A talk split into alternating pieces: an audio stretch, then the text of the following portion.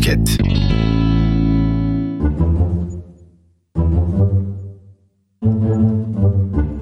Anlamıyorum.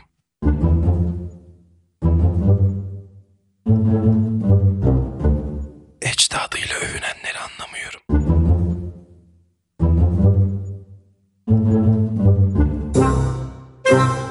Ecdadıyla övünenleri anlamıyorum. Ecdatlar, ecdatlarımız. Biz doğmadan bin sene önce yaşanmış bir şeyle nasıl övünebiliriz? Saygı duyarız, anarız. Hepsini anlarım. Ama övünmek nedir ya? Üç kıtaya hükmettik. E çok iyi abi, mükemmel. Yani tam olarak bu ne işimize yarıyor ve kime karşı övünüyoruz? Fatih Sultan Mehmet'in kendi şahsı bile İstanbul'un fethiyle bu kadar övünmemiştir. Adam fethedip gitti. Cervantes ilk romanını Osmanlı zindanlarında yazmış. Bak bak. Özellikle bilgi yanlış. İkinci olarak da E. Her yazarı keşke zindan atsaydık da hepsi çok güzel kitaplar yazsaydı. Hani mantık bu mu anlamıyorum.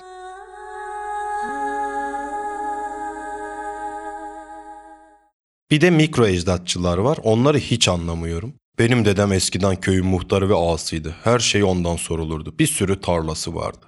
Dedeni köyün insanlarını sömürüp topraklarına el koyduğu ve çoğu yaşam haklarını gasp edip mini bir diktatörlük kurduğu için tebrik ederim. Ayrıca ikametgah işleri falan olursa da sana gelirim tamam.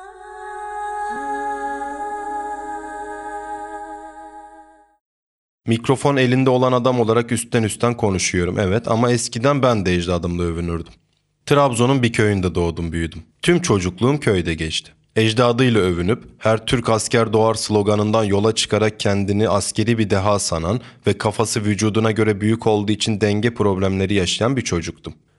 Ve o yaşlarda en çok sevdiğim oyun malazgirtçilikti. Fındıklıktan kestiğimiz yumuşak dalları ip bağlayarak ok ve yay, daha sert dalları da yontarak kılıç yapardık. Daha sonra kahraman Türk askeri ve kahpe Bizans köpekleri olarak iki gruba ayrılırdık.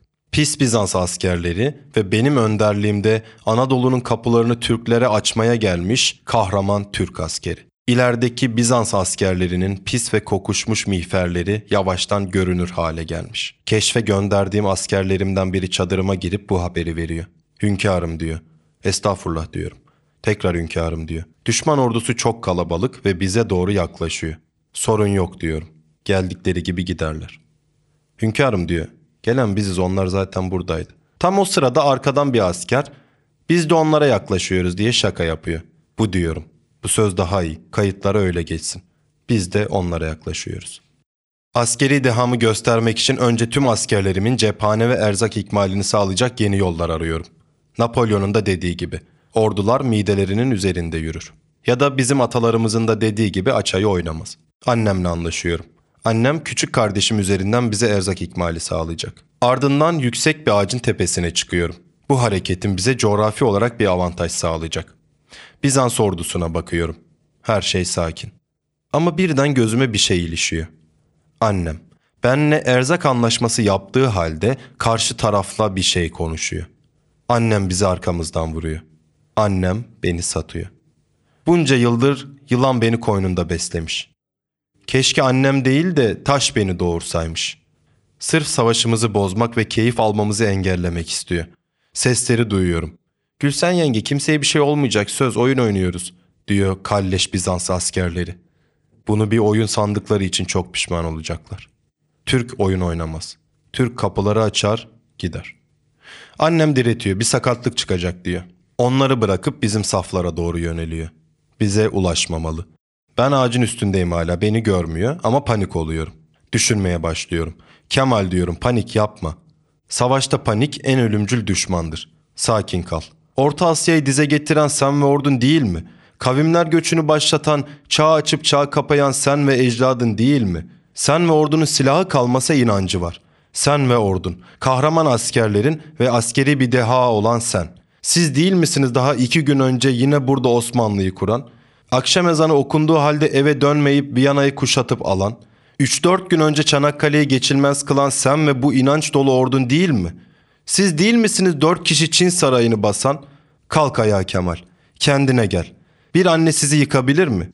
Bu büyük düşmana diz çökmektense ayaklarınızın üzerinde savaşarak ölün. Size bu yakışır. Bu gazla ağaçta olduğum anlık aklımdan çıkıyor ve boş bulunup sırt üstü yere düşüyorum. Daha sonra düşman anne beni ele geçiriyor. Konuş diyor, konuşmuyorum. Oğlum konuş diyor, konuşmuyorum. Oğlum diyor nefes almaya çalış, konuşmuyorum. Bu konuşmamamın kahraman Türk askeri olmamla bir alakası yok. Sırt üstü düştüğüm için nefesim kesilmiş. En büyük düşmanım kurtarıcım oluyor. Sırtıma vura vura nefesimi açıyor. Beni ölümden kurtarıyor. Nefes alır almaz konuşuyorum. Anne diyorum valla benim fikrim değildi Aziz kandırdı beni Aziz oynayalım dedi. O yüzden oynadık diye halamın oğlunu satıyorum.